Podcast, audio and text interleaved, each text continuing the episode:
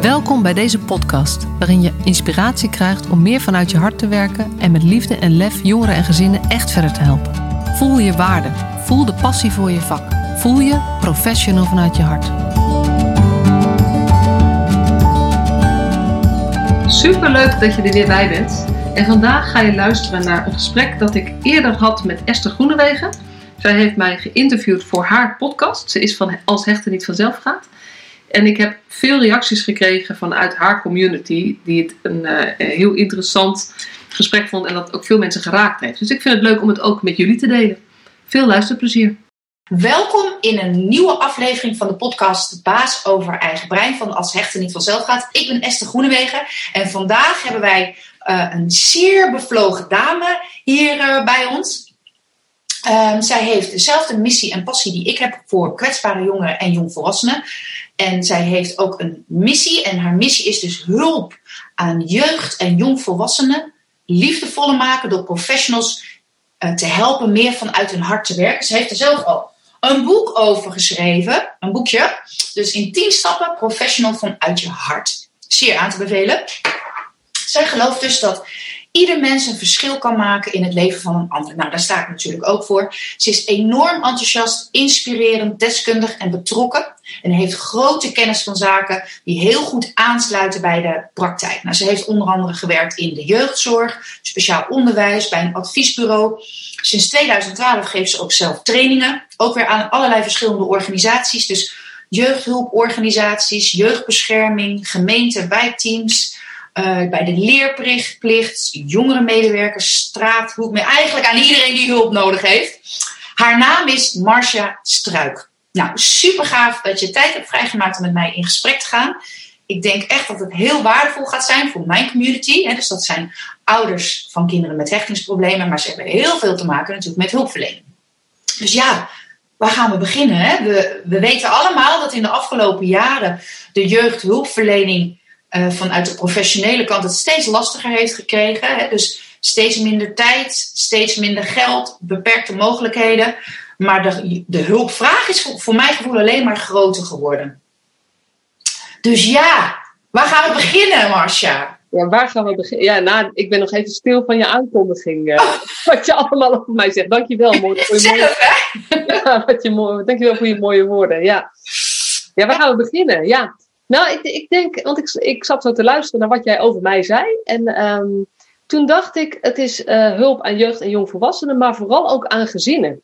Want ja. ik denk dat hulp aan jeugd alleen maar kan door hulp ook aan ouders te geven. En misschien wel het meest aan ouders. Ja, ja, ja. Dus uh, ik weet niet, misschien, je, hebt, je, las het voor, dus het staat ergens op mijn site waarschijnlijk of zo, of in mijn boek. Dus de, de, oh, je er ook niet bij? Dan ga ik kijken waar ik het Um, en uh, dus er zitten voor mij eigenlijk een paar dingetjes in. Dat, dat um, uh, je, jeugd, dan denkt iedereen tot 18.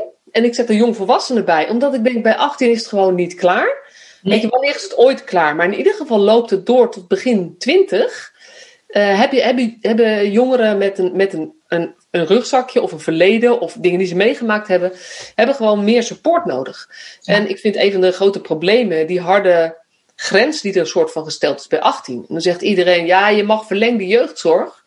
Maar dat haalt het, het blijft principieel hetzelfde probleem. Want dan wordt het verlengd tot 19 of tot 21. Ja. En daarna. Want, dus daarom is het jongvolwassenen. Maar het is voor mij ook, um, ik geloof, nou ja, ik wil, bijna, ik wil zeggen, ik geloof absoluut niet in. En, en dan ga ik er twijfelen, want ik hou nooit van de hele stellige uitspraken. Maar ik ga me er toch aan wagen. Ik geloof absoluut niet aan het kind los behandelen. Ik, ik geloof niet in het kind los behandelen. Dus, um, zonder dat ouders erbij betrokken zijn. Zonder dat ouders erbij betrokken zijn. En um, in de meeste gevallen um, dat het ook om ouders gaat in, uh, in contact met hun kind. En dat is voor, is voor mij nog los van of een kind um, uh, thuis woont of soms ook uh, niet thuis woont. Want dit gaat voor mij ook op voor jongeren, voor kinderen die niet bij hun ouders kunnen opgroeien. Dan nog vind ik, als je kijkt naar die levensloop, weet je, jeugdzorg of je jeugd is toch maar een relatief klein deel van je leven. Ja. En waar het over gaat voor mij is dat we uh, dat we kinderen, jongeren op weg helpen om een mooier leven op te bouwen. Um, ook als ze niet meer onder de jeugd vallen. En uh, als we te veel bekijken alleen maar hoe in het hier en nu en te weinig erbij betrekken van joh, wat betekent dat voor de lange termijn? Dan doen we gewoon kinderen uh, ook tekort. En als je dan gewoon realistisch kijkt, wie zijn dan de mensen met wie je levenslang contact hebt? Dat zijn in de meeste gevallen um, je familie, je ouders. Ja. En ik realiseer me heel goed dat, het, dat er ook situaties zijn waarbij, waarbij het contact verbroken wordt. Um, en weet je, daar is heel veel. Daar kunnen we apart een podcast over opnemen, maar daar zou ik niet over willen hebben. Nee. Omdat ik denk, een deel daarvan heeft ook te maken met dat, dat er eigenlijk te weinig gewerkt is met die, die kinderen en die ouders samen. Om te zorgen dat ze het leven, uh, dat ze op een bepaalde manier het met elkaar kunnen redden. Weet je wat ik daar wel aan zou willen toevoegen? Misschien voor de professionals of misschien beleidsmedewerkers die uh, uh, dingen kunnen veranderen vooral mijn kinderen, hè, dus de onveilig gehechte kinderen, die kunnen volwassen worden op een uh, kalenderleeftijd. Hè, dus dan ben je 18, 19, 20, 21. Maar de emotionele leeftijd is vaak nog veel lager. Dus ik, ik heb het uit eigen ervaring meegemaakt toen mijn dochter 18 werd alles wordt gelijk voor ons afgesloten als ouder. We hebben geen inzage meer, we worden niet meer betrokken in een uh, behandeling. Dat is echt zo wettelijk ook uh, strak afge, afgezet. Maar mijn kind had nog net zoveel begeleiding nodig dan die dag daarvoor, hè, de dag voor haar verjaardag. En ik heb dat altijd heel bijzonder ge gevonden. En dan kan je wel vanuit de rechtbank kan je. Uh, meer curatorschap of bewindvoering. Maar dat is ook ja, niet echt super fijn om dat, dat soort dingen aan te vragen. Maar ik, ik zou echt wel voor kwetsbare jongeren. Uh, zou ik het fijn vinden als daar een bepaalde ja, ruimte is hè, tussen, tussen het volwassen worden en wat daar dan bij komt kijken. Ja. Ja, ik, en ik vind het bijvoorbeeld ook heel sterk opgaan voor uh, uh, mensen die uh, met een LVB, lichtverstandelijke beperking. Weet je, daar, daar ja. heb je het ook. En daarbij, daarbij is het ook zo, weet je, als je echt een ernstig verstandelijke beperking hebt, dan, dan is het anders. Maar als je zo'n licht verstandelijke beperking ja. hebt of zo functioneert, doordat je bijvoorbeeld um, hele vervelende dingen meegemaakt hebt in je leven en je niet goed kunt ontwikkelen, dan, dan is het gewoon echt een heel harde omslag. Ja. En het resultaat is. Ja. Uh, het resultaat is eigenlijk dat we uh, kinderen en ja, weet je, soms zijn het gewoon nog kinderen, ook in hun beleving, of jongeren, uh, of jongvolwassenen, zoals ze zichzelf vaak ervaren, dat we het, het is bijna een soort ravijn. En ja. daar pleit ik wel echt voor om veel meer in die levensloop te denken. Dus niet over, hey, tot, ook, ook als je het hebt met gezinsvoogden bijvoorbeeld, of met jeugdhulpverleners die, die, um, uh, die in, in organisaties zitten waar tot 18 in principe gewerkt wordt. Dat we niet alleen denken van ja, maar we kunnen het verlengen een halfjaartje of een jaartje. Maar dat we het eigenlijk omdraaien en dat we gaan, gaan denken, redeneren vanuit um, hoe, wat moeten we realiseren zodat het kind als die 25 is, ik noem maar even 25, dat hij dan een voldoende um, netwerk om zich heen heeft om zich ook te kunnen redden. Want iedereen heeft mensen om zich heen nodig. Ja. En bij kinderen met, um, met een verstoorde hechting is dit alleen maar nog ingewikkelder. Ja. Um, en denk ik dus dat we er ook nog meer aandacht aan moeten besteden. Ja. Omdat het anders helemaal misgaat. Want heel veel kinderen met, met verstoorde hechting, uh, als op een gegeven moment ze niks meer hoeven, als ze 18 zijn, zijn ook weg. Ja, precies. En dan, uh, Soms gaat het enorm fout, inderdaad. Ja, ja en dat is echt gewoon, gewoon zonde. En ik denk dat de, de fout dus niet ligt alleen in dat 18 jaar. Uh, grens, maar dat de, de, fout, als je het over fout mag hebben, waar de verbetering mogelijk is, laat ik het zo noemen. Ja, ja. Uh, dat we veel meer investeren in het, um, het onderhouden en het opbouwen en het, um, uh, hoe, hoe je dat vast kunt houden, dat contact. Dan heb ik nog niet eens over de verbinding, de relatie, want dat is voor sommige kinderen echt ingewikkeld. Maar wel, hoe ga je nou om met de mensen die waarschijnlijk het leven lang bij je zullen horen? Dus heb je het over ouders, heb je het over broers en zussen, heb je het misschien over opa en oma, of over een tante, of, of over wie dan ook. Ja. En dat we dat niet pas doen als ze 17,5 zijn, maar dat we daar eigenlijk nou ja, altijd mee bezig zijn. Ja, mooi, mooi. Ja, en um, ik heb natuurlijk een beetje jou uh, uh, uh, onderzocht, ingelezen, dus ik ben heel erg benieuwd, wat, wat kun jij nu aan mijn doelgroep of ook aan andere kijkers of luisteraars delen, hoe jij graag die verandering zou willen zien in de jeugdhulpverlening. Ten aanzien van hè, de ouders of de verzorgers, maar ook vanuit de hulpverleners zelf. Want ik ben ervan overtuigd dat er heel veel geweldige super duper hulpverleners zijn, maar die soort vastzitten in een net van protocollen en uren. En, en ja, ik hoor heel graag hoe jij dat uh, ziet, waar jij je hart voor maakt. Ja. Ja, weet je, en dan begin ik even bij mezelf, want ik ben ook een hulpverlener. Dus ik ben er gewoon gestart als hulpverlener. Um, uh, ik heb op de groep gestaan en ik heb uh, ambulant gewerkt met, met jongeren en met gezinnen. En ik ben behandelcoördinator geweest, ik ben orthopedagoog. Um, en wat mij in die tijd verbaasde, toen was ik nog best jong, begin 20, halfwege 20. Wat mij toen verbaasde was dat de meeste klachten in onze sector gaan over bejegening gingen over bejegening. En daar heb ik me toen over verbaasd, dat weet ik gewoon nog. En um, daarvan dacht ik ook, ja, dat moet toch anders kunnen. Dus voor mij is altijd heel belangrijk geweest om met de, met de jongeren, met de kinderen, met de ouders met wie ik te maken had, om die op zo'n zo, op zo'n manier met ze om te gaan dat ze zich gehoord voelden. En dat was voor mij eigenlijk vanzelfsprekend, want daar begint het voor mijn gevoel bij. Als je um, uh, als je wil dat, dat mensen um, met hulp van jou hun leven weer meer kunnen oppakken of een draai kunnen gaan geven aan wat ze doen, zullen, zul je moeten beginnen bij dat ze zich gehoord voelen, serieus genomen voelen. En um, uh, ook voordat ze überhaupt iets van je zullen aannemen, als je al een advies hebt, zeg maar. Dus dat, daar begint het. Maar ik heb me dat toen niet zo gerealiseerd dat dat, um, dat dat voor mij zo belangrijk was. Maar dat was wel wat ik vaak terugkreeg. Ja.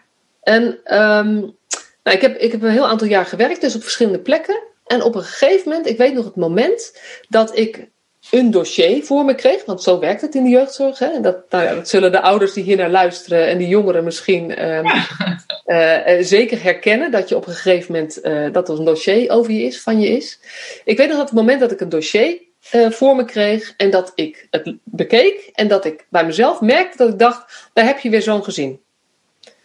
En dat gaat zus of zus zo. En dit was een split second. En dat was voor mij dus een, um, uh, een, een waarschuwingssignaal. Omdat ik dacht, dit is niet... Weet je, als ik mijn hart er niet meer bij heb... kan ik niet meer de hulpverlener zijn die ik wil zijn. Dus ik heb dat moment... Um, ik weet ook nog gewoon waar ik zit. Ik weet ook nog wat voor soort gezin het was. Uh, en wat er ongeveer aan de hand was. Uh, en um, dat was voor mij echt een waarschuwingssignaal. Van ja, dit is dus niet wat ik wil.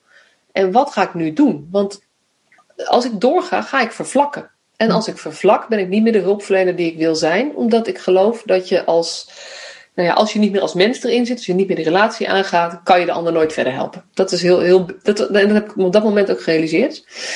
Uh, en toen heb ik besloten om, um, nou ja, inderdaad gewoon een stapje achteruit te doen. Uh, om eens te kijken van, hé, hey, maar, maar uh, waar heb ik nog, ik had nog meer mogelijkheden en ambities. en toen ben ik naar een adviesbureau gegaan. Toen ben ik trainingen gegeven aan professionals enzovoort. enzovoort. En ik heb daar niet zo vaak meer aan gedacht. Totdat, ik denk misschien wel een jaar of zeven later heb ik heel veel. Um, uh, ik, ik gaf veel training aan professionals. En ik ben niet zo zelf overtuigd. Dus daarom was, ben ik ook een beetje in verlegenheid door, die, door, door hoe mooi jij mij aankondigt. Oh. Want ik denk altijd maar van ja, weet je, wie ben ik nou helemaal? Wat heb ik nou helemaal te zeggen? Heel wat, Marcia, heel wat. Ja, ja, nou ja, dat zeggen anderen dus. Dus dat gebeurde maar bij trainingen ook. Lees je eigen boekje maar even. ja, maar, dat, is, maar dat, dat was dus wat bij mij gebeurde. Dat mensen bij trainingen vaak zeiden... Uh, ik krijg hier energie van. Dit is anders dan anders. Wanneer kom je terug? En dit moeten meer mensen horen. Maar ik geloofde dat allemaal niet. En um, op een gegeven moment dacht ik, ja, nu hebben zoveel mensen dat gezegd. Laat ik nou eens doen alsof zij gelijk hebben en niet mijn interne stem. En toen ben ik op zoek gegaan, maar wat is dan hetgene in wat ik vertel wat het verschil maakt?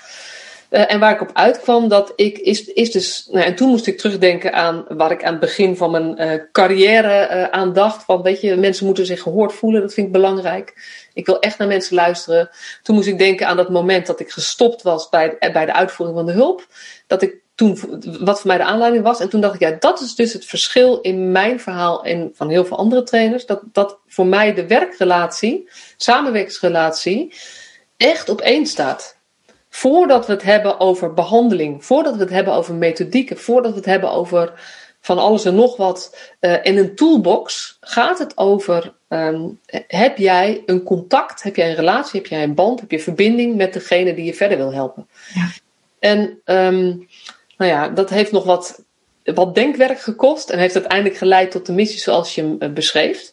Omdat ik bij zoveel professionals en van professionals ook terughoorde. Want ik vroeg van wat maakt nou dat jij geïnspireerd wordt door mijn verhaal. En, toen en wat ze dan vertellen is, ik herken zo wat je zegt. Het zijn protocollen die mij laten sturen. En ik luister naar de methodiek en ik voer de methodiek uit, maar ik mis ook de voldoening. Dus ik zie heel veel professionals die, die door dat woud van protocollen en regels en methodieken en werkdruk en um, enorme caseload, want, want dat zei, het is echt heel moeilijk werken in de jeugdzorg uh, op dit moment. En er is, een bak aan negatieve aandacht, die helpt ook niet. Um, maar ik zie, ik zie gewoon ontzettend veel professionals die zeggen: ja, je, dit is niet meer mijn wereld. En die gaan gewoon in een andere sector werken. En dan gaat gewoon goud verloren soms. Het zijn soms hele goede mensen. Je hebt mensen die, uh, nou ja, zoals ik net vertelde, dat, dat op het punt komen dat ze denken: oh, daar heb je weer zo'n jongen, oh, dan gaan we ongeveer dit doen. En die, die vlakken af, zo noem ik dat maar eventjes. Um, en je hebt een groep mensen die voelen dat het niet klopt en die willen het verschil maken, maar die raken verstrikt en die worden dus ziek. Mm. Dan heb je het over burn-out of stress of, of erger. Uh, en de burn-out en stresscijfers zijn natuurlijk echt bizar hoog. Ja. En um, toen dacht ik, ja, dit zijn drie um, gevolgen van de situatie die alleen maar leiden tot kwaliteitsvermindering van de hulp die we bieden. Uh, dus uh, er moet een vierde weg zijn. En dat is geworden, ga vanuit je hart werken en gebruik vervolgens al die. In ieder geval, dat is mijn, mijn antwoord een beetje geweest. Maar gevoel als die, als die professionals weer meer naar hun hart durven gaan. Vanuit hun hart durven gaan werken. Vanuit hun hart durven uitreiken, contact maken. Ga, ga dat eerst doen. En ga daarna heel je toolbox, methodiek, um, informatie, kennis die je hebt gebruiken. En dat is het professional deel. Dus zo is mag, je, mag je wat vragen? Want de, als je zeg maar al je trainingen en opleidingen doet om een therapeut of een hulpverlener te worden. Wat wordt er geleerd over het contact maken met de cliënt? Wordt daar een bepaalde reserve in geoefend van deel niet wie je bent, hè? dus blijf echt in die autoriteitspositie staan? Of, ja, ik moet, natuurlijk uh, ja, weet je, ik moet zeggen, als ik kijk naar mijn eigen opleiding, dat is al, uh, uh, ja, ik ben iets jonger dan jij, maar dat is toch ook, was toch ook al begin, of was in de jaren negentig. En ik deed de universiteit, dus daar was de, de werkrelatie überhaupt niet aan de orde. Oh, echt? Dus helemaal niet. Uh, dus, dus, maar dat is ook al heel lang geleden. Maar als ik luister naar wat ik terughoor van mensen die recent van de opleiding komen, is nog steeds dat het heel weinig gaat over het opbouwen van een werkrelatie. Dat professionals, weet je, de term professionele afstand, ja. die wordt heel veel gebruikt, nog steeds. En ik geloof niet in professionele afstand. Ik vind het verwaarlozing. Ik geloof in professionele, professionele nabijheid. Ja. Je, je, kan niet, je, je, bent natuurlijk als professional doe je dingen um, uh, afgewogener dan wanneer je gewoon met iemand uh, koffie zit te drinken. Ja. Maar ga alsjeblieft vanuit nabijheid werken in plaats van vanuit afstand. En maak die nabijheid professioneel en op maat. Ja. Dus, dus de indruk die ik heb, um, en dat is ook, dat merk ik ook in als ik het over dit thema heb. Um, ik voel het soms als gebakken lucht, zeg maar. Want het gaat nergens over. En, je bedoelt wel het behandelen of het benaderen? Ja, de, het feit dat ik het. Ik heb het bijna over. Ik heb het over het allereerste stukje van um, een, een methodiek. Bij elke methodiek staat wel, let op je basishouding. Maar vervolgens gaat het over wat je moet doen. En gaat het heel weinig over die houding. Uh, dus het gaat voor mij een houding van professionals, waar ze heel weinig bewust bij stilgezet worden. Uh, en natuurlijk zit er wel iets van reflectieopdrachten in. Um, maar in onze sector gaat het heel veel over professionele afstand houden. Niet te veel van jezelf delen, inderdaad. Um, en heel weinig over de mogelijkheden van verbinding maken door nabijheid. Uh, en um, weet je, dat valt me ook nog steeds op. Uh, dat als ik, want ik, ik ben ZZP'er, dus ik, uh, ik verdien mijn geld met trainingen geven aan professionals. Um, en het is heel moeilijk om een training te kunnen geven over vanuit je hart werken. Ja? En veel, ja, daar, daar wordt veel moeilijker voor ingehuurd. Uh, en vanuit je hart werken of de, vanuit de relatie werken. Weet je, dat is, dat, is, uh, veel, dat is veel moeilijker dan wanneer ik een methodiek training geef met, uh, met een compleet verhaaltje en wat professionals moeten doen. Um, terwijl dat is denk ik veiliger voor ze.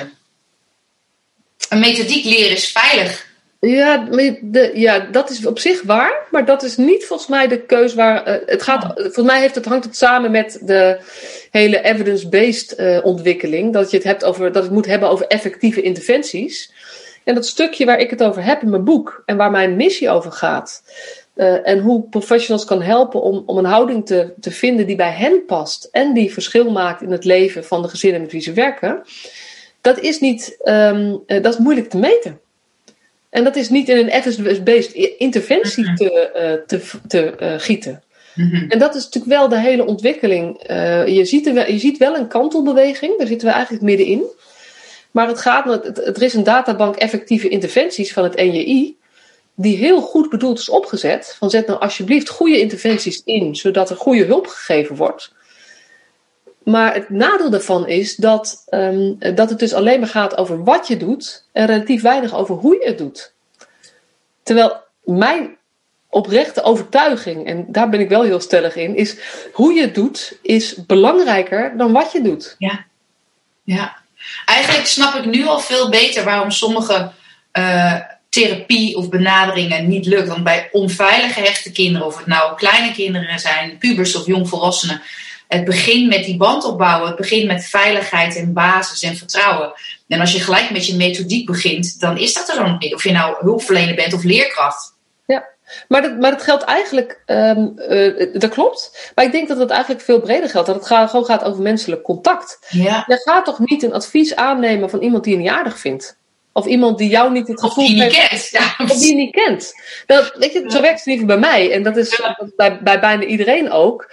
Um, de mensen die jij uh, sympathieker vindt, de mensen bij wie jij je meer op je gemak voelt, daar ga je ook meer naar luisteren en daar ga je meer van toepassen als je je tips geeft of adviezen. Ja, precies. En ik vind het, ja, ik, ik begrijp niet zo goed hoe het he heeft kunnen. Ja, ik begrijp het wel in het grote geheel, maar ik, ik begrijp het ergens niet zo goed dat we dit kwijtraken. Of dat we het hier niet met elkaar over hebben. Want dit is volgens mij waar het over moet gaan. Ja. En ik denk dus dat het te maken heeft met die evidence-based en wetenschappelijk onderbouwd. En daar heeft, heeft de gemeente ook echt invloed op, want die willen um, evidence-based interventies alleen maar inkopen. En die kopen alleen maar in voor de, voor de uh, hoe noemen ze dat ook weer? Voor de verrichtingen bijna. Um, ik weet het, ja. En um, het betekent dat, dat als je werkt met, met Weet je, wij, jou is natuurlijk de focus op kinderen met hechtingsproblematiek. Maar ik denk er zijn heel veel ouders die ook moeite hebben met de hechting. En dat, waar dat een probleem is in het gezin. Uh, en wat, waar, wat mede oorzaak is dat het niet goed gaat in een gezin. Ja. Maar er mag geen tijd zijn voor het opbouwen van een band met deze ouders voordat je interventies gaat inzetten. Nee, er wordt zeg maar um, verwacht dat je eigenlijk in, in gesprek 2 al daadwerkelijk aan de slag bent met doelen. Ja. En ik denk dat dat gewoon niet kan. Nee. Dus wat mij betreft, wat er moet gebeuren, uh, is dat daar meer ruimte voor moet komen. En ik weet dat. Uh, um, uh, nou ja, ik, ik geloof eigenlijk niet zo in dat we moeten wachten totdat de gemeente of de financier of de, dat dit helemaal veranderd is. Maar ik geloof in professionals met lef. Ja. Mooi, ja, precies. En ja. die zich hier bewust van zijn en die dus op de een of andere manier een weg zoeken in deze tijd van, van werkdruk, protocolisering, evidence-based werken, uh, tijdschrijven op veel plekken ook. Hè. Dat is echt, uh, onderschat het niet hoe heftig het is voor professionals. Ja. Maar ik geloof als je, uh, als je van het uur wat je beschikbaar hebt die week expliciet een kwartier besteedt aan contact maken voordat je dingen gaat doen, dat je een gesprek meer oplevert dan, vanaf, dan wanneer je vanaf minuut één bezig bent met datgene wat je daar moet gaan doen. Ja. En dat is een keuze die je echt kunt maken, ook binnen deze tijd. Maar het is wel nog steeds een, een, een de keuze die een beetje ja, ter discussie staat, of, of waar we het niet expliciet met elkaar over hebben. En waar, waar professionals ook um, het gevoel hebben dat het niet mag. Het is, het is gewoon zo goed wat je zegt. Ik, ik heb dat ook in mijn jaartraining. Ik begin ook met dan de ouders gaan we eerst onderzoeken hoe zijn we nou eigenlijk zelf gehecht. Hè? En de pijnpunten waar we het in het voorgesprek nog even over hebben gehad. Hè? Dus de, de belemmerende overtuigingen waar je zelf mee rondloopt. Als, je die niet, als die niet helder voor je zijn, dan ga je dus het gedrag wat, wat, wat misschien anders dan anders is bij je kind, reflecteren of terugkoppelen aan die pijnpunten waar je zo last van hebt. Het is zo, ja, het is zo belangrijk dat dit beter bekend wordt. Nou, en dit is ook wat bij professionals speelt. Oh, eigenlijk, eigenlijk is, ehm, als je mij vraagt, wat, is, wat zou nou de beste. Weet je, we hebben, een deel, de luisteraars van deze podcast, in ieder geval de, de ouders die bij jou terechtkomen, hebben vaak al een traject en hulpverlening achter de rug, waarbij ze zich niet, niet altijd gehoord hebben gevoeld, niet genoeg gehoord hebben gevoeld. Uh, en niet uh, genoeg begrepen hebben gevoeld. En um, uh, even los van of ze geen goede tips hebben gekregen. Want ik denk dat ze soms best goede tips hebben gekregen, maar dat het probleem in dat andere stuk zit. Ja, ja. En wat is er nou voor nodig? Want ik vertel natuurlijk mijn, mijn, mijn, mijn goud, of wat, wat ja, dat zeggen ze wel eens, je verborgen goud. Wat ik nooit gerealiseerd heb, maar voor mij dus vanzelfsprekend is is dat die, die nadruk voor, op bejegening. Bejegening, gehoord voelen, serieus nemen. Weet je, nog steeds zijn, zijn de klachten bij het AKJ, over dat, dat klachtencommissie jeugdzorg. De meeste klachten gaan over bejegening, informatievoorziening en de manier waarop beslissingen worden genomen. Ja, die, krijgen, die ouders krijg ik uiteindelijk ook op een pad. Ja. ja. En dat is echt waar ik professionals um, liefdevol mee wil confronteren. Want ik wil, ik, ik snap zo goed dat je, in, dat je verstrikt raakt in hoe het nu is. Dus er zit, voor mij, ik, weet je, ik hou van die professionals, ze zijn hartstikke tof. Uh, maar ik gun ze zo een andere manier van werken, omdat het voor iedereen beter uitpakt. In de eerste plaats voor henzelf. Maar dat begint wel bij dat je je realiseert dat die, die top drie van klachten hebben niks te maken met het stelsel. Maar die top drie van klachten heeft te maken met hoe jij als professional je opstelt en hoe je omgaat met de mensen die je verder wil helpen. En daar ligt dus ook mogelijkheid om het beter te doen. Ondanks het stelsel en ondanks alle andere dingen. Ik, ik zou het ook heel gaaf vinden als je dat verhaal vertelt over uh, dat muurtje. Dat muurtje bij de anderen en dat muurtje bij jezelf. Omdat, ja. Zou je dat kunnen vertellen? Want dat geldt dus ja. niet alleen voor hulpverleners, maar ook voor hè, leerkrachten of alle andere mensen. En ook voor ouders richting hun kinderen. Ja, precies. Dus dit, is, dit, dit, is een ontzettend parallel proces. Ja, ik, heb, ik ben dus gaan nadenken over, hé, hey, maar dit verhaal wat ik je nu vertel, hoe kan ik dat nou concreter maken? Want concreter is beter. Hoe concreter, hoe beter. En toen is op een gegeven moment een tekeningetje ontstaan. Ja. En dat ziet er zo uit. Ik doe het even op deze manier. Ik hou nooit van schermdelen. Dit is een soort van de PowerPoint, uh, het alternatief voor de PowerPoint. Of, uh, want dit past weer bij mij. Um, en ik heb het in mijn boek ook zo beschreven. Een van de stappen in mijn boek is verbind je met de ander.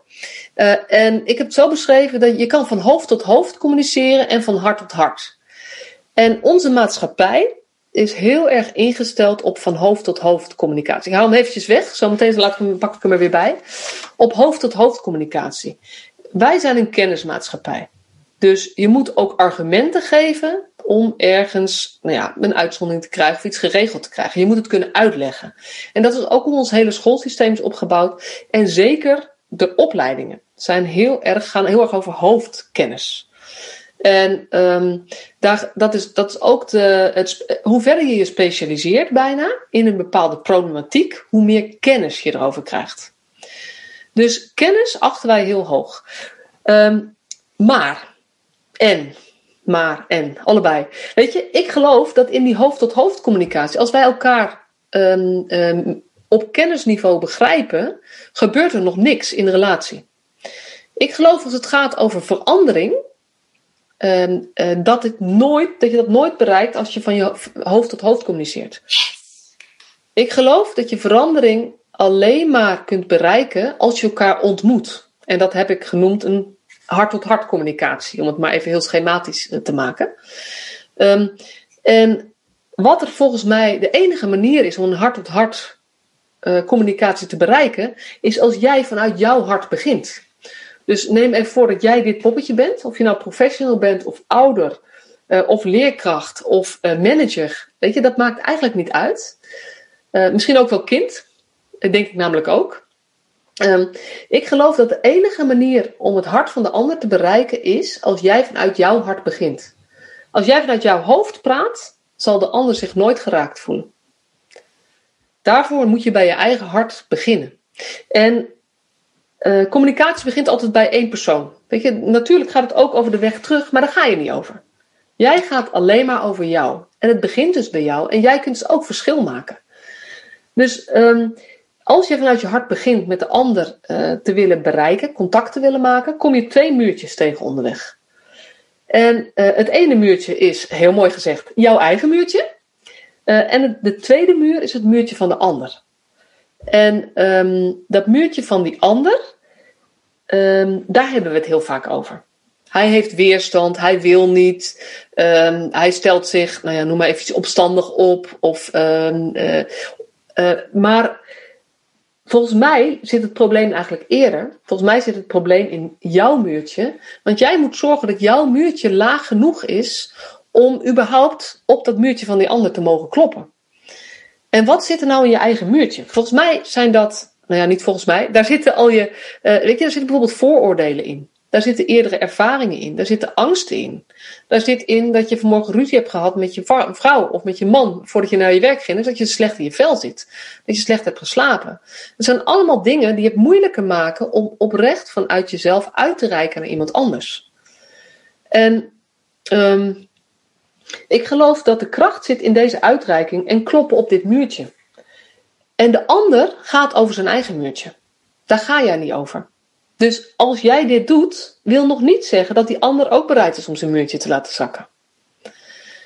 En uh, ik denk dus dat, dat we veel meer moeten kijken, uh, en dat geldt voor professionals uh, in het werk met, met gezinnen, met ouders, met jongeren. Dat geldt voor leerkrachten in, in het werk met hun leerlingen, maar dat geldt ook voor ouders in het werken met hun kind. en dit geldt ook als je kijkt voor ouders in het werken met professionals, waar je tegen muren aanloopt. Ja, ja. Want op het moment dat jij een professional eigenlijk gewoon niet, niet tof vindt, je niet serieus genomen voelt, dan ga je ook heel erg oordelen. Wat ik heel goed begrijp. Maar dan heb je allerlei meningen en dan geef je iemand ook geen kans meer. Dus ik geloof dat de enige manier om uit te komen bij die ander is als jij iets van je muur laat zakken op een manier die voor jou veilig is. Dat betekent niet, weet je, dit is professioneel vanuit je hart. Dus het is niet alles zomaar open en bloot, maar wees daar ook gewoon, wat kun je van jezelf geven? Maar wat ik vaak zie gebeuren is als die weerstand bij die ander zo groot is, of als het gedrag heel erg moeilijk wordt, hoe moeilijker het gedrag, hoe moeilijker we kunnen samenwerken, hoe meer we gaan praten over de ander. Mm. En dit is ook een parallel proces, want dit gebeurt van hulpverleners eh, in het praten over jongeren en in het praten over ouders. Maar ik geloof dat dit ook kan gebeuren bij ouders in het praten over hulpverleners. Hoe meer we last van ze hebben, zeg maar, hoe meer je eigenlijk daar tegen of hoe meer je er een oordeel over hebt, hoe meer je over hen gaat praten. Maar realiseer je dat hier nooit de verandering zit en hier ga je niet over. En ik vind in de hulpverlening echt schrijnend hoe moeilijker het gedrag van kinderen, of soms hoe moeilijker uh, het is om met ouders te werken, hoe meer we gaan praten over de weerstand die bij die ouder of bij dat kind zit. En hoe meer we gaan praten over het gedrag van het kind. Um, maar iemand gaat nooit veranderen als jij vanuit je hoofd allerlei goede ideeën gaat geven of, allerlei, of, of gaat meedenken, wat op zich heel goed bedoeld kan zijn. Um, en um, het resultaat is vaak dat dit muurtje nog verder omhoog gaat. Het enige manier om dit muurtje naar beneden te krijgen, is mijn ervaring. En dat is ook wat ik terugkrijg. Want ik spreek veel ervaringsdeskundigen. Dus veel jongeren die zelf te maken hebben gehad met jeugdzorg. En ouders die te maken hebben gehad met jeugdzorg. En als ik hen vraag, welke professionals, weet je nog, welke professionals hebben je verschil gemaakt? Dan zeggen ze, mensen die iets van zichzelf lieten zien. En mensen die mij de kans gaven om eerst hen te leren kennen. Voordat ik iets over mezelf moest vertellen. En mensen die het opgaven. Oh. En Um, daar heb ik ook een, een heel mooi voorbeeld van, van een, nou ja, dit is inmiddels een, een, eh, een, een jonge vrouw van, van rond de 30. Uh, met een heel ingewikkeld verleden, uh, uit huisplaatsing tot en met gesloten. ik, heb, ik, weet je, ik heb nooit haar diagnoses gehoord, maar daar zit ongetwijfeld een forse hechtingsproblematiek ook in. Dus dat was ook heftig. Er was ook sprake van, van, van wederzijdse mishandeling in het gezin. Dus haar vader mishandelde haar en zij sloeg ook haar ouders. Dus dat was echt ingewikkeld. Uh, en ik heb haar ook die vraag gesteld. En dit was zo'n nou ja, zo'n high-buy typeje. Je hebt natuurlijk verschillende reacties, maar dit was een high-buy typeje. Um, waar ook, nou ja, uh, ik denk de, oude, de, de, ouders die hier naar luisteren zich kunnen voorstellen wat ik ermee bedoel. Heel moeilijk gedrag. Ik vroeg haar hetzelfde. Welke hulpverleners hebben nou verschil gemaakt voor jou? En aan de hand van dit plaatje hadden we het erover. Toen zei ze: Het zijn de mensen die niet drie, niet vier, niet vijf, maar misschien wel twintig keer geklopt hebben op mijn muur. En toen pas durfde ik iets te laten zakken. En toen pas durfde ik iets te laten zien van wat er in mij omging. En zij hebben mij verder geholpen. Oh, ik merk helemaal dat het me raakt. ja. Ja. Ja. Ja. En weet je, dit plaatje, ik, ik weet niet, het is, het is gewoon ontstaan. Dus dit, is het eh, eigenlijk gewoon, ja. Zou je ook, want ik weet dat er ook ouders denken... ja, leuk verhaal met die plaatjes... maar eh, kun je... ze zijn zo in war of de weg kwijt... dat ze niet meer weten hoe het moet. Dus hoe kun je nou... eh, ja, je ziet een kind wat niet meer uit bed wil komen... wat brutaal is, wat je eigenlijk niks kan vragen... want dan wordt er gelijk van alles gegooid. Dus dat muurtje staat heel hoog, is gewapend beton.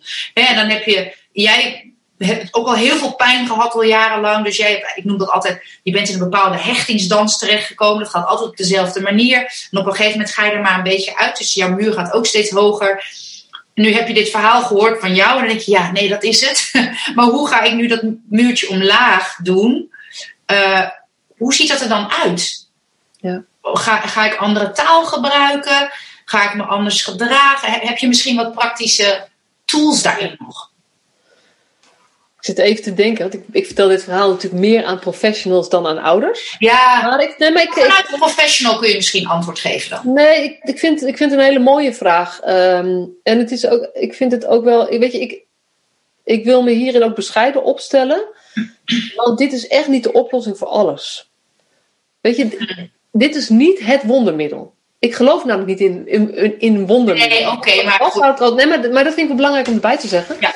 Ik denk wel waar het over gaat, is de eerste stap is dat je. ehm, wat er gebeurt in zo'n situatie, is dat je heel vaak nog meer gaat kijken naar wat er bij je kind allemaal ja, misgaat, moeilijk is, waar je niet. En daar ben je ontzettend veel over aan het nadenken en over aan het puzzelen en je zorg over aan het maken en kwaad over, weet ik veel wat allemaal. Maar het gaat allemaal over je kind. Ja. Wat ik ook heel erg goed begrijp, want je zal, weet je, je zal maar in zo'n Je situatie. zal maar zo'n kind hebben.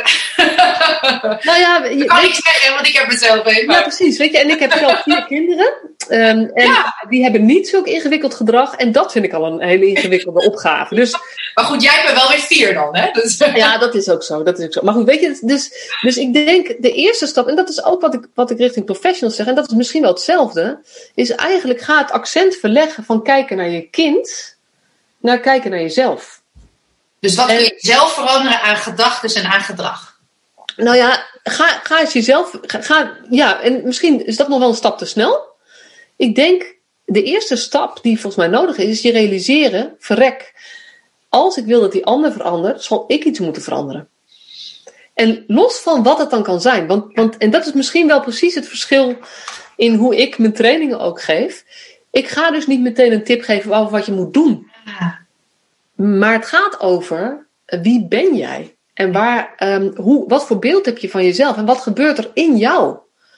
Want wat er in jou gebeurt, eh, en dat zijn dan gedachten, dat zijn oordelen, dat zijn ehm, eh, ervaringen, dat is machteloosheid, dat is wanho- wanhoop. Dat, dat is zoveel. Weet je, dat, ik, ik begrijp ook zo goed dat, dat je dan zo klem kan zitten. Maar de eerste stap is eigenlijk je realiseren dat uit die wanhoop komen nooit van buitenaf kan komen. Maar dat het, dat het altijd begint met als ik wil dat hier iets in verandert, dan kan ik gaan denken over mijn kind, maar dan moet ik denken over mij. Wauw. En ik wil me dus eigenlijk ook niet laten verleiden naar een makkelijke quick fix van dit moet je doen. Goed. Ik denk, dit is wat je moet doen. En je moet gaan onderzoeken. Je moet, zeg maar, eh, bewustzijn is de eerste stap. De, de eerste stap in mijn boek heet Pak de regie. En daar bedoel ik dus mee, en dat leg ik ook uit in het boek. Pak de regie betekent, realiseer je, jij bent altijd aan zet. Het gaat nooit over een ander. Als jou, de situatie jou niet bevalt, en dat kunnen we klein maken, dat kunnen we groot maken. Ehm, maar dat gaat eigenlijk altijd op als de situatie zoals die nu is jou niet bevalt, als, je er, als het niet klopt, als je het niet oké vindt, begin bij jezelf. Kijk naar wat is er bij jou en, en ga eens onderzoeken hoe dat zit.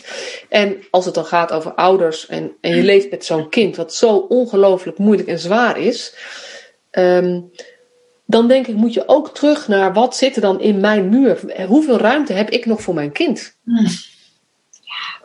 Want soms door het gedrag, wat echt nou ja, onacceptabel is.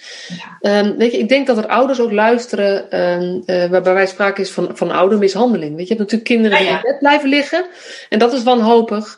Maar je hebt ook kinderen die, die hebben zichzelf niet goed in de hand. Eh, en dat is gewoon zo misgelopen in het gezin dat de ouders zich niet meer veilig voelen. Ja. En ehm, dan klinkt het heel... ma- Ja, weet je, dan, daarom wil ik niet een quick fix noemen, want die is er volgens mij niet. Goed van je, ja. ja. Maar ik denk wel dat zelfs dan, zelfs in die situatie, gaat het erover dat jij gaat nadenken en voelen en praten over en bedenken wie jou erbij kan helpen. Want support is dan misschien wel het belangrijkste. Dat het niet over je kind gaat, maar over jou. Wauw. Ja.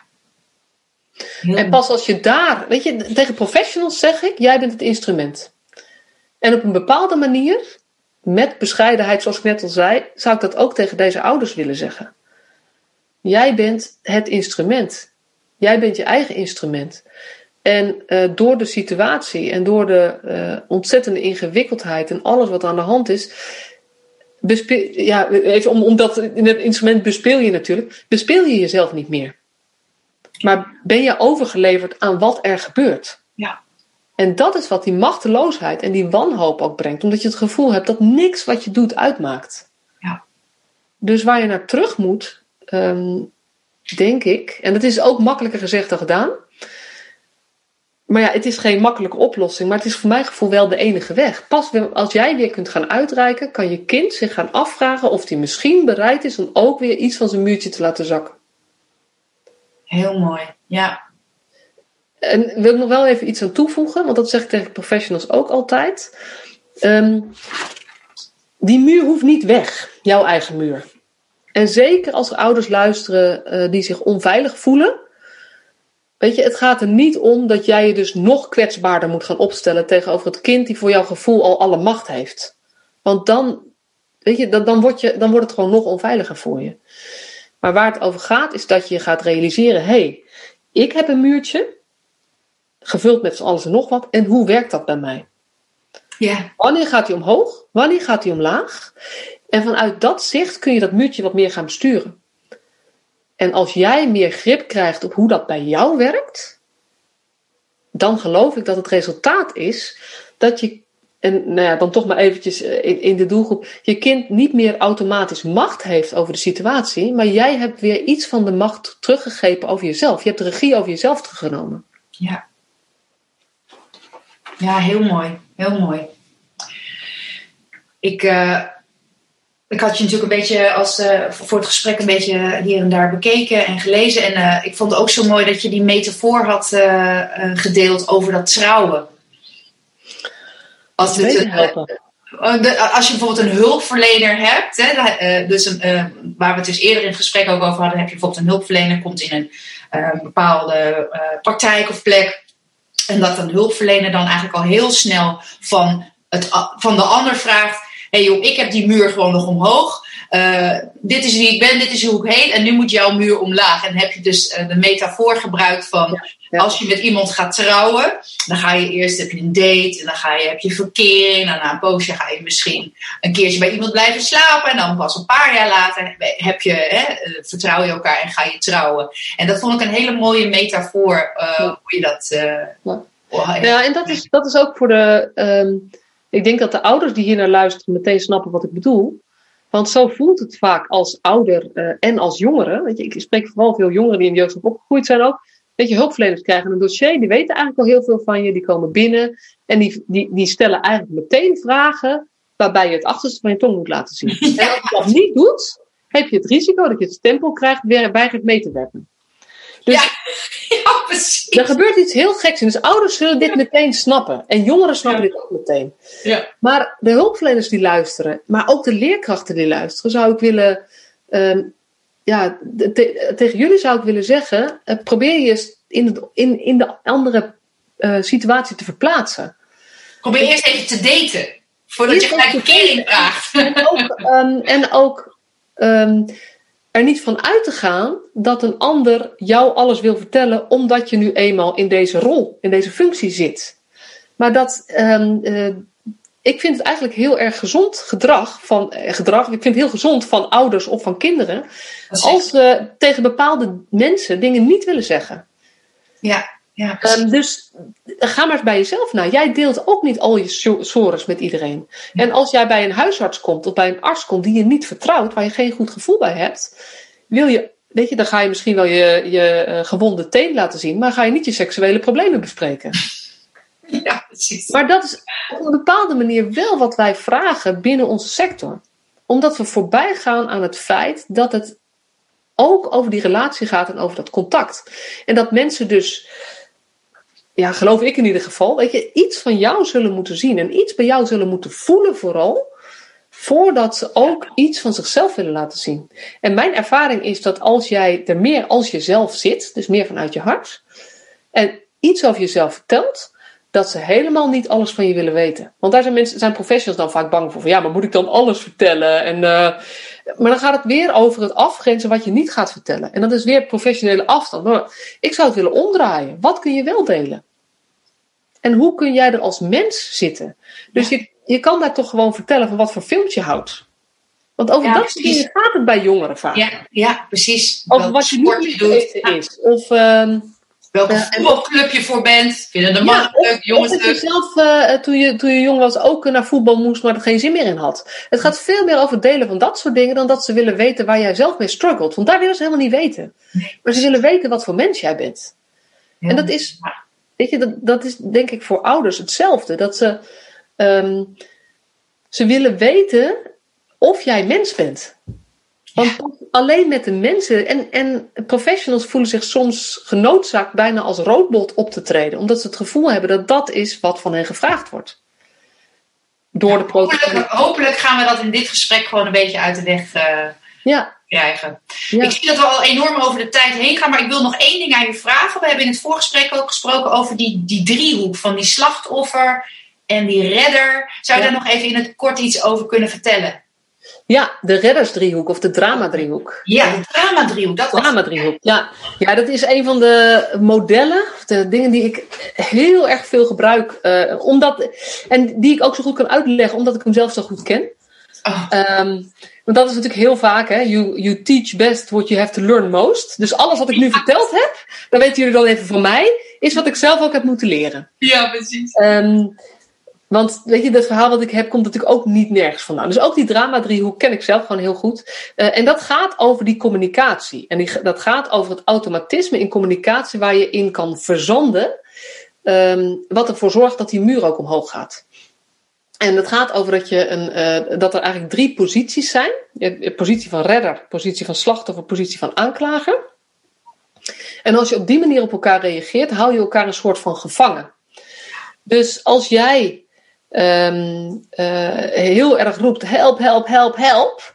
En je zit met iemand in gesprek die hier ook gevoelig voor is, die zal meteen in de, uh, in de red-modus, en dat is in de zin van advies en tips geven. En weet je, uh, oh joh, nee, weet je, als, jij, als het jou te veel is, dan doe ik het wel gewoon overnemen, modus. Die zal het automatisch gaan doen, omdat het ook goed gevoel geeft. Ja. Want als je iemand kan helpen, dat geeft toch gewoon een lekker gevoel. Dus um, maar je, voor jou als slachtoffer is dat, heel, dat, voelt dat misschien in eerste instantie wel fijn, maar in tweede instantie helemaal niet zo. Want het geeft, maakt je ook afhankelijk van die redder. En als dat nou in een, in een hulpverleningssituatie gebeurt, dus, dus jij als ouder stelt je een beetje op als slachtoffer, ik maak het maar eventjes heel concreet. En je zegt: help, help, help de wanhoop, ik weet het echt niet meer en mijn kind komt te bed niet uit of zo. Oh, ik weet het echt niet meer, jij moet het maar doen. En die hulpverlener gaat echt heel enthousiast en vol, vol liefde aan de slag. Maar op een gegeven moment is hij een weekend vrij en het loopt uit de klauwen.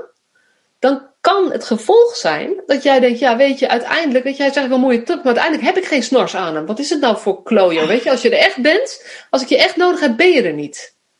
Oh ja. En dan verschuif je van dat slachtoffergedrag naar aanklager. Want een hulpverlener doet hetzelfde als anders. Namelijk, eigenlijk als hij er is, alles voor je doen en helpen en beschikbaar zijn en enzovoort. Um, Maar doordat jij het als slachtoffer allemaal aanneemt en over je heen laat komen en het iemand laat overnemen, kan je heel makkelijk ook aanklager worden als iemand het niet helemaal doet op de manier zoals jij het graag zou willen. Dan voel je je weer niet gezien en dan word je eigenlijk boos.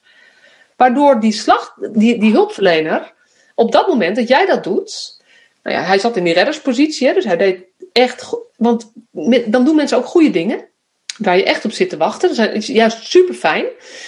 Maar als, dan, ehm, als jij dan als ouder of als jongere ontevreden bent en zegt: joh, weet je, uiteindelijk heb ik gewoon niks aan je, dan verschuift die, die hulpverlener van zijn redderspositie naar slachtoffer.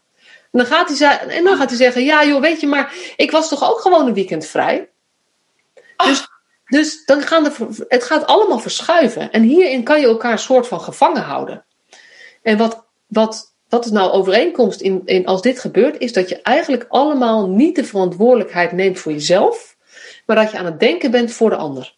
En dat je verantwoordelijkheid neemt, overneemt van de ander, of dat je eigenlijk vooral met de ander bezig bent in plaats van met jezelf. Wauw, ja. ja. En um, dit, is, dit is de analyse. Die is voor mij, weet je, dit is, heel veel mensen hebben dit automatisme. En ook hierbij begint het eerste stap is gaat herkennen. Ja. Maar wat kan je er dan mee? Het mooie is dat er een alternatief is. En die noemen ze, tenminste ik noem hem in mijn boek de winnaarsdriehoek. En die is wat minder bekend. Maar die, um, dat geeft wel um, een soort concrete handvatten van wat moet je dan doen in plaats van dat gedrag, als je dat bij jezelf herkent. En dat is eigenlijk heel simpel. Als jij bij jezelf herkent dat je je wel eens als slachtoffer opstelt, help, help, help, en eigenlijk dat je hoopt dat iemand komt om jou te redden, uh, al is het maar uit de situatie, dat je in plaats van help, help, help roept, dat jij gaat nadenken, hé, hey, waar heb ik hulp bij nodig? En dat je dus een vraag stelt, wil jij me hierbij helpen? Oh, ja. In plaats van help, help, help. Want dat betekent niet dat je nooit iets zelf, uh, dat je alles zelf moet doen, maar wel dat jij verantwoordelijkheid neemt voor het formuleren van je hulpvraag. Concreet. Mooi. En in plaats van redden, dus er bovenop duiken, het overnemen, tips geven, wel weten wat het beste is, ik doe het wel even voor je, is eigenlijk in plaats van redden, wat je zou moeten doen, is wat kan ik voor je doen?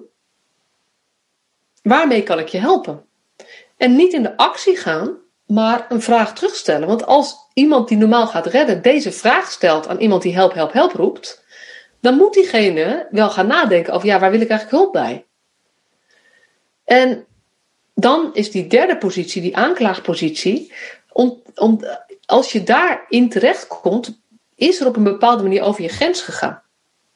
Dus waar het over gaat, is dat, jij, dat iemand die, um, die geneigd is in die reddersrol te schieten, um, dat die zich bij elke hulpvraag afvraagt: wil ik dit doen en kan ik het waarmaken? Dus als een ouder aan jou vraagt als hulpverlener, uh, ik wil, weet je, wil je mij helpen bij mijn kind, uh, met mijn kind, want weet je, ik, ik, voel me niet meer veilig hier in huis en mag ik jou altijd bellen als ik het niet meer weet? Moet de hulpverlener, voordat hij ja zegt, zich afvragen, hey, kan ik dit waarmaken? Nee, dat kan niet, want ik ben in het weekend vrij ik heb dat in het begin wel een beetje. Uh, dat herken ik van mijn beginperiode. Was ik altijd voor iedereen beschikbaar, maar dat is uiteindelijk niet handig. Nee, nee en, en wat er dan gebeurt, uh, is dat jij. Um, je bent eerst redder, maar vervolgens word je eigenlijk boos op de aanklager of op de slachtoffers dat ze zoveel beroep op je doen. Nou, het was eerder andersom. Dus uh, ik had dat niet goed naar buiten eigenlijk neergezet. Nee, maar mensen gingen jou dus de hele tijd vragen stellen. Dus het was eigenlijk dag en nacht moest ik beschikbaar zijn. Dat was ik dus een keer niet beschikbaar. Ik kreeg echt enorm enorme gedoe ja. ook mijn hoofd, inderdaad. Ja. Oh, maar, dat, maar dat maakt jou ook weer boos. Dan denk je, ja, hallo, weet je, ik geef alles. En dan, dus, dus ook een redder kan verschuiven naar die aanklaagpositie. Het is, gelukkig, ik, ik, zie dat wel gelukkig in termen van, hé, hey, wat is daar in mijn leermoment? Maar dat komt natuurlijk omdat je heel veel eigen werk hebt gedaan. Maar Precies. dat hey, hier komt een leermomentje aan. Die, voor 7 beschikbaar zijn natuurlijk. Ja, en dat is dus, is dus onder andere door grenzen te bewaken. Je eigen grenzen te bewaken. eerlijk te zijn. Uh, en wat, wat, wat je kan doen uh, om te voorkomen dat je in een aanklaagpositie komt, als je voelt dat bij jezelf, dus eigenlijk als je muur omhoog gaat en je wil gewoon dat doen, dat je eigenlijk bedenkt, wat voor open vraag kan ik stellen? Overvraag. Open vraag. Open vraag. Dus oh. door vragen, iemand die, um, uh, om te voorkomen dat je in die driehoek terechtkomt, kun je ook helpen door vragen te stellen. Oké. Okay. Uh, want de ander, als jij vragen gaat stellen, gaat de ander, als de ander moet gaan nadenken, gaat hij meer verantwoordelijkheid voor zichzelf nemen. En het grote verschil tussen die reddersdriehoek en die winnaarsdriehoek is in hoeverre neem jij verantwoordelijkheid voor jezelf. Ja, ja, mooi. Heel mooi. Nou, er zijn echt geweldig veel mooie dingen voorbij gekomen. Heel bijzonder en waardevol gesprek. Volgens mij voor verschillende doelgroepen. In ieder geval voor mijn uh, ouders. Um, misschien nog even als afronding van welke drie puntjes of, of, of, of, tips kun je nog meegeven met die ouders die nu zeg maar stoom uit hun oor hebben en uh, morgen bijvoorbeeld uh, een, gesprek hebben met een hulpverlener? Oeh, dat is altijd... Geen niet drie, maar één dat je zegt van nou, hè, je hebt al dat stoom uit je oren, je hebt nou, ik denk, um, wat, wat, wat voor iedereen geldt, uh, en dat zeg ik altijd tegen hulpverleners, maar dat geldt ook voor ouders, realiseer je dat er een mens tegenover je zit. Ja, ja, precies. Dus dat geldt voor hulpverleners die in gesprek gaan met een ouder. Maar dat geldt ook voor ouders die in gesprek gaan met een hulpverlener. En dat die hulpverleners um, het ook um, op een andere manier dan jij, maar ook zwaar hebben in hun rol. Ja. Dus dat helpt. Dus daarmee zak je. Tenminste, dat is mijn ervaring. Als ik zeg maar een beetje boos ben op iemand of me erger aan iemand, dan helpt me altijd om het te verplaatsen in de ander. En dan denk ik, oh ja, dus, dus dat zou eigenlijk tip 1 zijn. Dus, dus ik hou niet zo van die concrete handelingsadviezen, hè? Dat, dat zul je begrijpen. Ik maar dit is wel gewoon vragen. um, realiseer je dat er een mens tegenover je zit. En als je merkt dat het gesprek niet loopt, of dat, je, dat, er, dat het helemaal niet de kant op gaat die jij, um, dat jij je niet gesteund voelt of zo, realiseer je dat dan nog steeds. En um, noem dat. Ja. En zeg niet: help, help, help, jij moet dit voor mij doen. Of, weet je, op, op een andere manier. Of, um, maar, maar, maar zeg ook gewoon, wil je, als, als jij um, graag wil dat die hulpverlener jou serieus neemt, zul jij jezelf serieus moeten nemen. Mm. Dus gaat het over, um, probeer dan te bedenken wat je van hem of haar graag zou willen. En hoe, hoe concreter je dat weet, hoe meer je kan vragen, wil je me helpen met het aanvragen van dit voor mijn kind? Wil je me helpen om structuur te brengen in dat deel van de dag? Wil je me helpen om uh, mijn moeder te benaderen? Want ik heb, ik, ik, heb behoefte aan steunbronnen, maar ik vind het heel ingewikkeld. Als je met jeugdbescherming te maken hebt bijvoorbeeld, dan soms, soms kunnen zij ook nog wel een stap doen. Um, wil je me helpen uh, om te onderzoeken welke mensen in mijn netwerk ik zou kunnen betrekken? Hoe concreter jij je vraag hebt, hoe minder die ander in de advies-regelmodus gaat. Oh ja, ja, mooi. Dat zijn er twee volgens mij, hè? Nou, dat is genoeg. Ja. Heel waardevol. Ja. Nog eventjes om het gesprek af te ronden. Je fantastische boek, waar is het te vinden? Uh, je kan het bestellen gewoon bij, bij bol.com en uh, alle boekhandels. Maar het liefst natuurlijk uh, via mijn site www.professionalvanuitjehart.nl. Yes. Um, en ja, misschien leuk dat je als je dit leuk vond om naar te luisteren. Ik heb ook een podcast. Uh, ik heb iedere week uh, maak ik een podcastaflevering um, uh, waarbij het steeds gaat over nadenken over dit thema. Dus ook daarin niet hele concrete handelingstips, maar eigenlijk inspiratie um, om, om uit die handelmodus te blijven en steeds weer vanuit de verbinding te werken. En die heet de Professional vanuit je hart podcast. En die is ook te vinden op Spotify en in de podcast app en ook op mijn site als je dat. yes. En als er hulpverleners denken van joh ik wil uh, hier nog meer over weten. Uh, wat heb je ze dan te bieden? Ik heb voor individuele hulpverleners, nou sowieso, weet je, die, die podcast is denk ik uh, al een heel goed begin, omdat het je wekelijks inspireert om na te blijven denken, hoe doe ik dat eigenlijk en waar kan ik mogelijk? Ik, ik geloof, dat heb ik eigenlijk niet gezegd, maar ik geloof niet in radicale ommezwaai. Maar ik geloof in 5% verandering. Als alle hulpverleners 5% meer van dit doen, hebben we morgen een mooiere jeugdzorg. En oh. hebben we minder klachten. Yes. Dus hou het klein. Dus maak het klein. Um, maar ik heb ook een, uh, een online training voor individuele hulpverleners. Uh, die kunnen ze gewoon ook op mijn site informatie vinden. Om stil te staan bij hey, hoe doe jij dit nu eigenlijk? En, en waar gaat het bij jou over? En hoe pak je weer de regie zodat je een, een hulpverlener kan zijn op de manier uh, waarin je zelf gelooft?